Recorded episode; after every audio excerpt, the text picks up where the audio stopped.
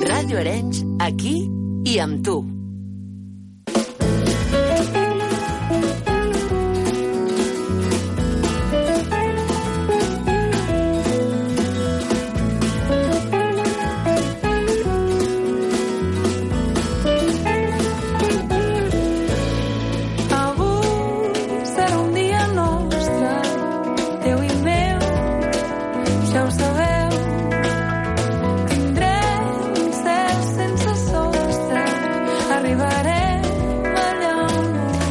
Encarem el tram final del Volem Pamboli. Ho fem coneixent més a fons la nostra comarca en aquest espai d'indrets singulars del Maresme que ens porta en Juan Carlos Reigosa de Cinera Cultura. Juan Carlos, bona tarda. Què tal? Molt bona tarda. Com estem? Bé, molt bé. Cap a on anem avui?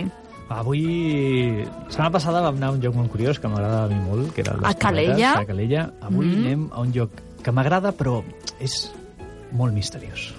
Misteri, intriga. Sí, avui anem al misteri. Mm, M'agrada, a veure. Sí, ja veuràs. Avui tirem cap amunt, eh? Anem cap a Òrrius. Cap a Òrrius. Vale? Pujarem fins a, fins a Òrrius. No ens quedarem a la vila d'Òrrius, tot i que Òrrius té moltíssimes coses i molt maques, però anem una miqueta més amunt i ens ficarem ja al Parc de la Serralada Litoral. Ens ficarem a, la, doncs a aquella zona, la zona de Cellex, que es diu, uh, zona ja de muntanya.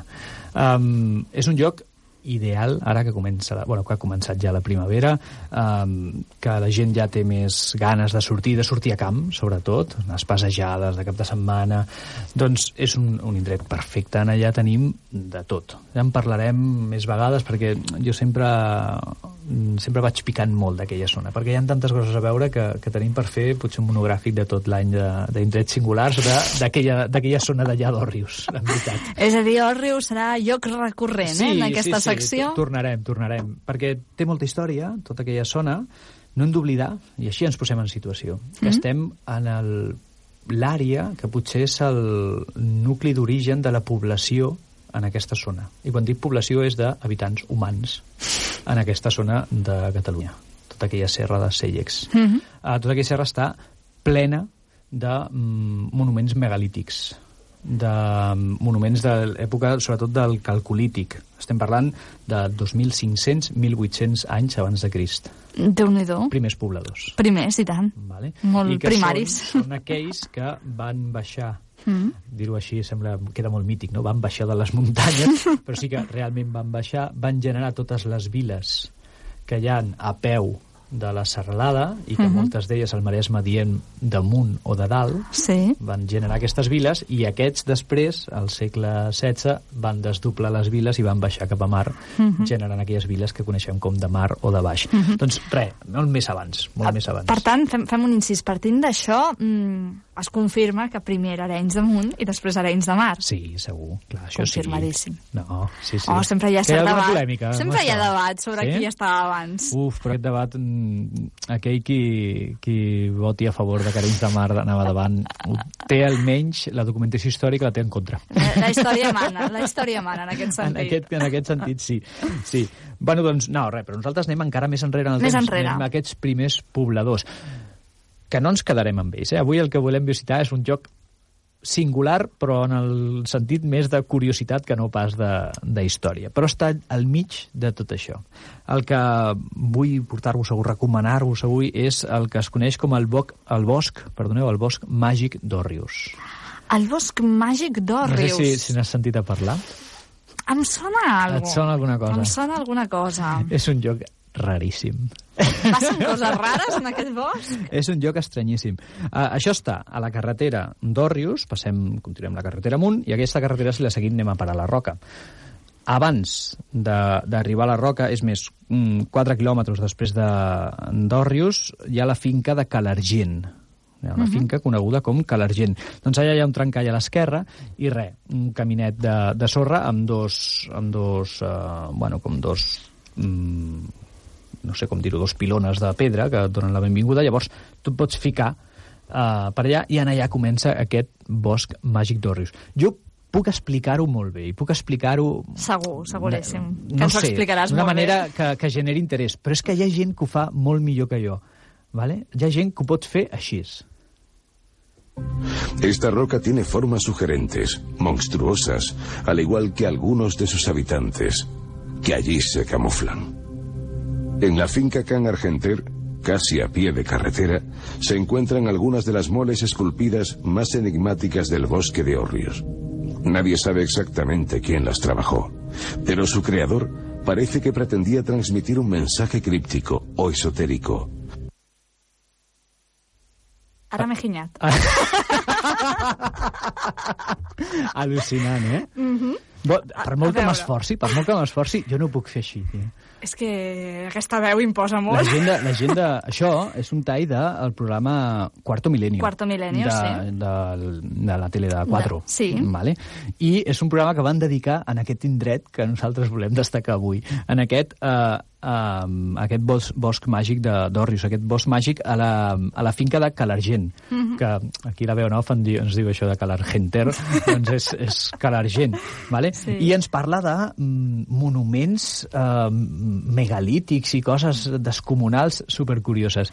M'explico, fem una miqueta més terrenal tot això, no, no, no nos embarquemos en la nave del misteri encara massa, massa d'hora.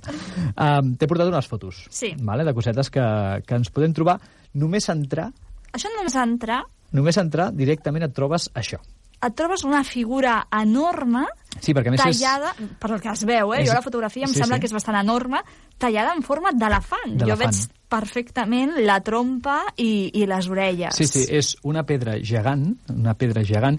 S'ha eh, de dir que tota aquella zona, tota la zona de Cellex, és una zona eh, de bosc, de, el típic bosc nostre de la serra, que hi ha, hi ha molta alcina, hi ha molt de pi, però el terra és un terra eh, on la roca surt Uh, vull dir que és, és roca vista i, i fan formes molt, molt curioses i molt grans, són roques d'unes dimensions molt bèsties. Doncs bé, en la primera que ens trobem, ja aprofitant la forma de la roca s'ha esculpit el que, és, el que seria el cap d'un elefant i tota la seva trompa. Eh, eh, home, jo crec que el, el misteri està en qui ho ha fet, això, Sí, clar, no? M'imagino, perquè mm, estem parlant de fa molts i molts anys, no? Hem parlat dels primers pobladors, però... Mhm. Sí, però clar, això, els primers pobladors, mm, per treure una miqueta ja de misteri a tot això, els primers pobladors no tenien aquestes habilitats. Vull dir, no tenien aquestes habilitats. I si les tenien, escolta, no, no s'ha vist reproduït en, un altre, en cap altre lloc, eh? Tindríem, tindríem un artista, un, arti, un artista de l'edat del bronze aquí a Òrrius que no ho sabíem. No, mm, primer de tot, els autors desconeguts. Mhm. Tot això són els ingredients amb els que farem bullir l'olla avui Clar. i amb els que quatre és capaç de fer tot un programa. Home, i tant, això Vale. li dona molt de misteri. Qui ha fet aquestes figures enormes? Ni idea. Qui les ha tallat? No se sap. Mhm. Hi ha conjetures, però no se sap. Ui, ara entrarem a les conjectures, que això també m'agrada. La següent imatge que veig és com un rostre, com una sí. cara, no? Uh, no, et, no et resulta familiar? És com... Sí. no, No és... el conec, aquest senyor. A veure... Mm, mm, no. no et sona del poble, no? No, no. no, no, no. no és aquestes, aquestes figures que recorden... eh, Pot recordar, segons com, els Moai, eh, que són unes figures de la illa de Pasqua molt famoses. Ah, sí, sí, sí. Veus? Doncs un Moai de la illa de Pasqua o fins i tot una mena com d'indi maia. De la illa de Pasqua a Òrrius. A Òrrius, clar. Com ha vingut a parar? És que, uh, hi ha massa misteri Sí. sí. en aquest indret. Jo, Però- però sí jo et deia, raó, avui eh, et porto misteri. És avui una cara, clar, molt quadrada, seguint una mica, m'imagino Mhm. que l'estructura de la pedra, no? Però sí que té un aire. Mhm. Sí, doncs- Veiem el nas, els ulls, la boca. Les dimensions també, no ho hem dit abans, mira, remunto un moment de l'elefant. L'elefant, si sí. puges a la pedra i seus a sobre de la pedra, Sí? sembla talment que estiguis a sobre d'un elefant. Les dimensions de la pedra són enormes. Uh -huh. Uh, millor que pugi un nen perquè l'efecte sigui més xulo, perquè si puja un adult canta una miqueta més el tema de dimensions, però si puja un nen la veritat és que la foto és increïble. I per aquí és per on vull fer la recomanació d'avui. Més enllà de tot el misteri que li fiquem al voltant i que sigui, doncs, eh, que estigui comprovat o no, és un lloc ideal per anar amb els nois, amb els nens. És un lloc ideal per pujar en família o pujar amb amics i, i per fer un tom i riure una miqueta i, escolta, és, és una curiositat molt xula que està en un ambient natural únic, com és el Parc de la Serralada del Litoral, que és, que és un lloc fantàstic, i sobretot ara amb la primavera és un lloc increïble, uh, bueno, com un lloc d'oci, un lloc divertit, vale? que, per on pot passar una ruta que fem, o un passeig, o, o un matí de, de diumenge. Uh, això, primer, és per apartar-nos una miqueta del misteri. Ara retornem a aquest misteri. Sí, va, retornem al misteri. Retornem al misteri. Mira, et dic, el, el Moai aquest, el, la figura d'aquesta aquesta mena d'indi maia o així, a més té una característica. Tu l'estàs mirant de cara i veus doncs, el que estem veient. Però, si comences a donar-li la volta, la, el que seria la part de darrere del cap té uh, un perfil vale, que és una altra cara. Aquesta foto és la part de darrere de, de, de l'indi aquest. vale? Molt bé. Llavors, una mica Dalí, eh? Això Sí, ja una és... miqueta de linear, no? Però, però sí que hi és. Vull dir, la Sí, foto sí. no és molt agraïda, però, però una vegada ja sí que es veu bé. Llavors, si agafes una miqueta de perspectiva, es veu un cap i, eh, bueno, una figura amb dos caps, un mirant en direcció contrària a l'altra. no? Això, eh, encara que sembli una miqueta agafat eh, d'aquella manera, eh, té una simbologia i existeix eh, representacions de caps amb dues cares vale, que fa, sempre ha tingut un significat de protector.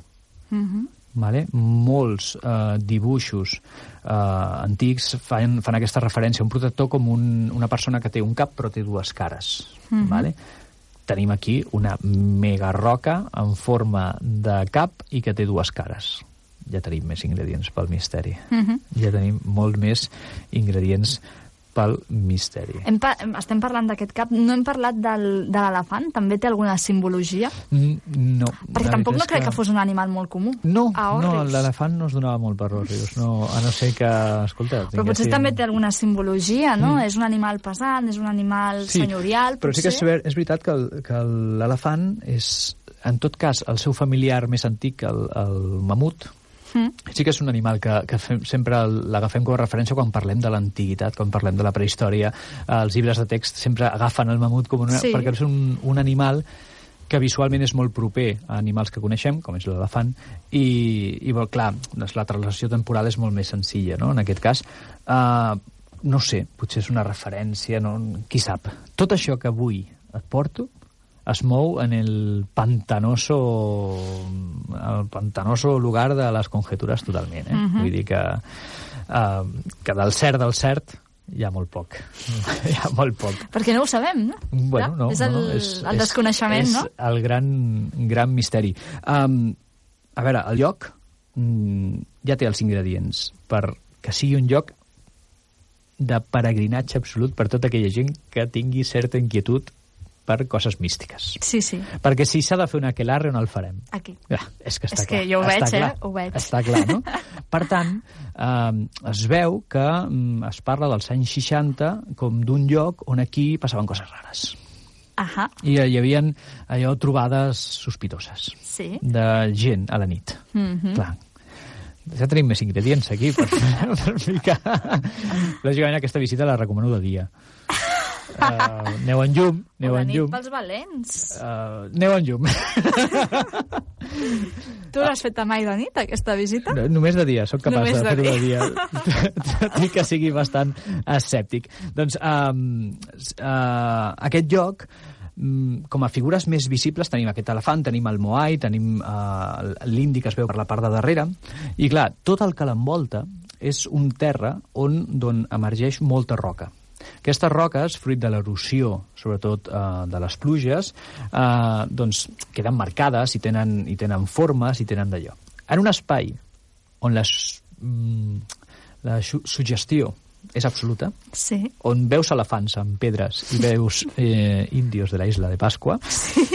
tu et mires qualsevol pedra i és capaç, em sembla que ets capaç de veure qualsevol cosa. Sí, seguríssim. Sí, sí, doncs sí. si estàs envoltat d'un fotimer de pedres que estan erosionades per l'aigua, Mhm. en allà veus de tot. veus de tot. Tot això és un caminet una, molt, molt petit, és un espai molt, molt petit on es concentren aquestes figures i, i es pot fer en format passeig, tranquil·lament. I eh, deia això d'anar amb nens, perquè els nens es poden divertir moltíssim, però molt, molt, s'ho poden passar superbé reconeixent formes, reconeixent figures, o imaginant-se... És jugar una miqueta això que fèiem amb els núvols, no? Sí, una, forma té, no? doncs, veure formes que a vegades, doncs, escolta, et diuen mira, doncs aquí sembla que hi hagi una cara que surti de terra, no? I tu, ja, ja, ji, ji, i tu quedes mirant i... Ai, Potser sí. eh, fa mal Potser rotllo. anar-hi amb nens treu una mica de ferro, no?, a, a la visita. Doncs mira, llavors, Carlota, et porto un emplaçament amb unes escultures estranyíssimes. Autor desconocido, saps? Moment en el que s'han fet totalment desconegut. No hi ha manera de saber quan van ser fetes? No, no. No, no hi ha manera. No, no. Tot i que, tot i que aquestes conjetures que et deia abans, eh, puc dir que són del segle XX, totalment, totalment. Són de la segona meitat del segle XX, vull dir que no són tan llunyanes en el temps i que potser l'artista el tenim a Granollers. Però bueno, que això és... això és treure-li tota la màgia això.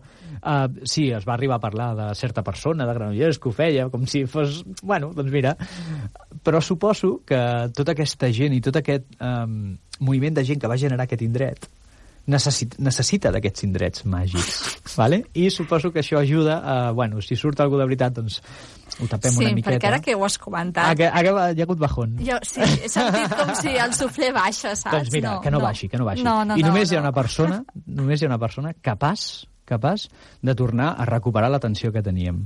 ¿vale? A veure si, a veure si ens anima. La pregunta que a todos nos surge cuando vemos aquellas figuras es siempre la misma. ¿Quiénes? ¿Y por qué las labraron? Ante tantas incógnitas recogidas en este bosque, podemos afirmar que es un polo de atracción para los amantes de lo desconocido. Y que sus rocas, ya sea con formas naturales o artificiales, están situadas sobre un lugar sagrado, un sitio de poder.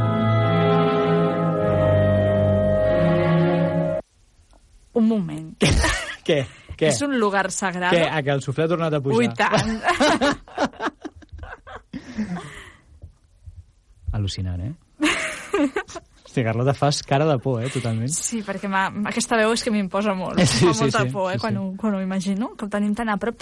La gent d'aquí al Maresme ho coneix? Coneix aquest indret? I lloc- van per visitar o per veure aquestes figures? Sí, és un lloc molt popular. És un lloc molt popular. I, I ve molta gent, mm, no diré de molt lluny, vale? però sí que és gent de pujar de Barcelona, perquè és un lloc que s'ha fet molt, doncs això, molt popular entre, entre sobretot els, els nens petits i, i eh, la gent en família, perquè és divertit és divertit, és un lloc eh, molt maco i a més, insisteixo, sobretot el valor de tot això és l'entorn natural on està, que és increïble és increïble i es, i es gaudeix molt.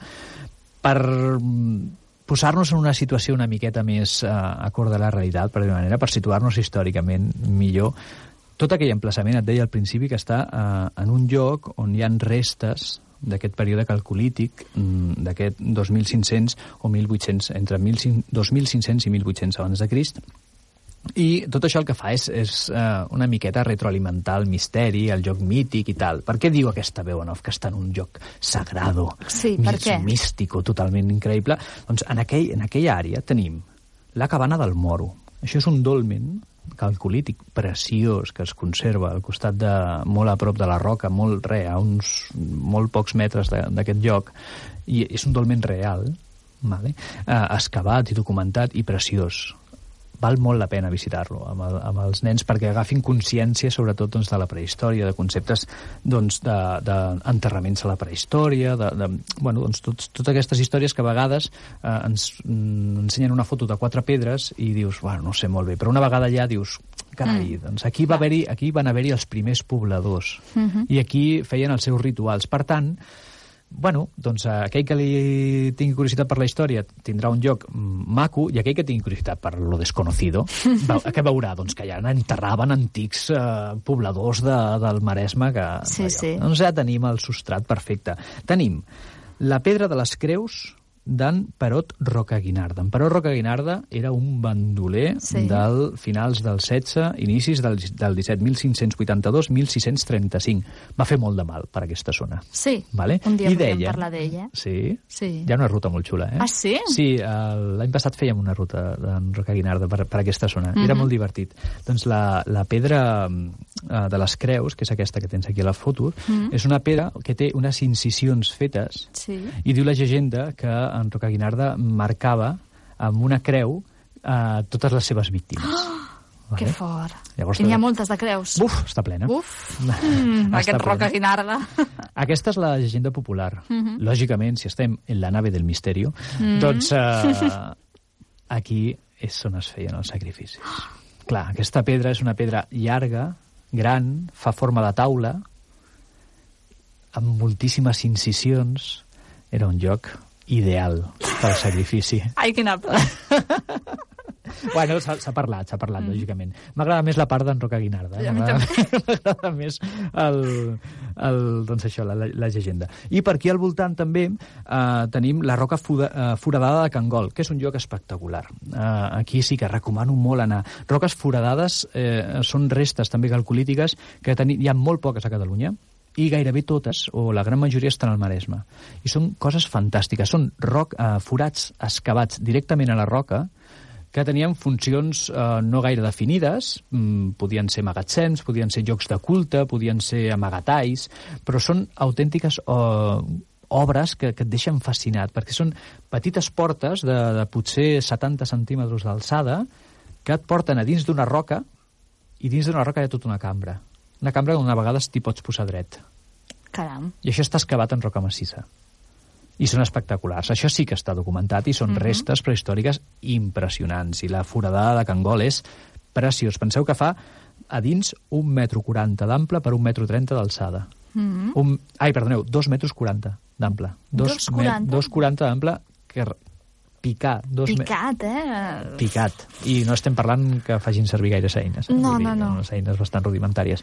Clar, són llocs magnífics, magnífics, que, que tenen aquest punt de misteri, perquè és un forat que et fica dins d'una roca. Clar, ja des de fora fa cosa entrar-hi, doncs, i després quan entres doncs, ets conscient de la magnitud de- d'aquell lloc o del treball que té i de, sobretot de la seva antiguitat i tot això és més substrat per aquest espai tan fantàstic i misteriós que és el bosc màgic d'Òrrius. I tant, un bon indret per descobrir, per conèixer, no el tenim tampoc tan lluny, el tenim No. aquí a la nostra comarca, i té molts elements que, que poden ajudar-nos a, a assaborir més aquesta Sí, màgia sí, i aquest sí, sí, misteri sí. d'aquest aquest bosc màgic d'Òrrius. Mm, Juan Carlos, no sé si vols afegir alguna coseta més, alguna recomanació per qui vulgui anar. No aneu sols. No aneu sols. I no aneu de nit. Juan Carlos Reigosa de Cinera Cultura, gràcies, com sempre, un plaer descobrir amb tu aquests indrets de la nostra comarca i fins la setmana que ve. Gràcies a tu, Carlota.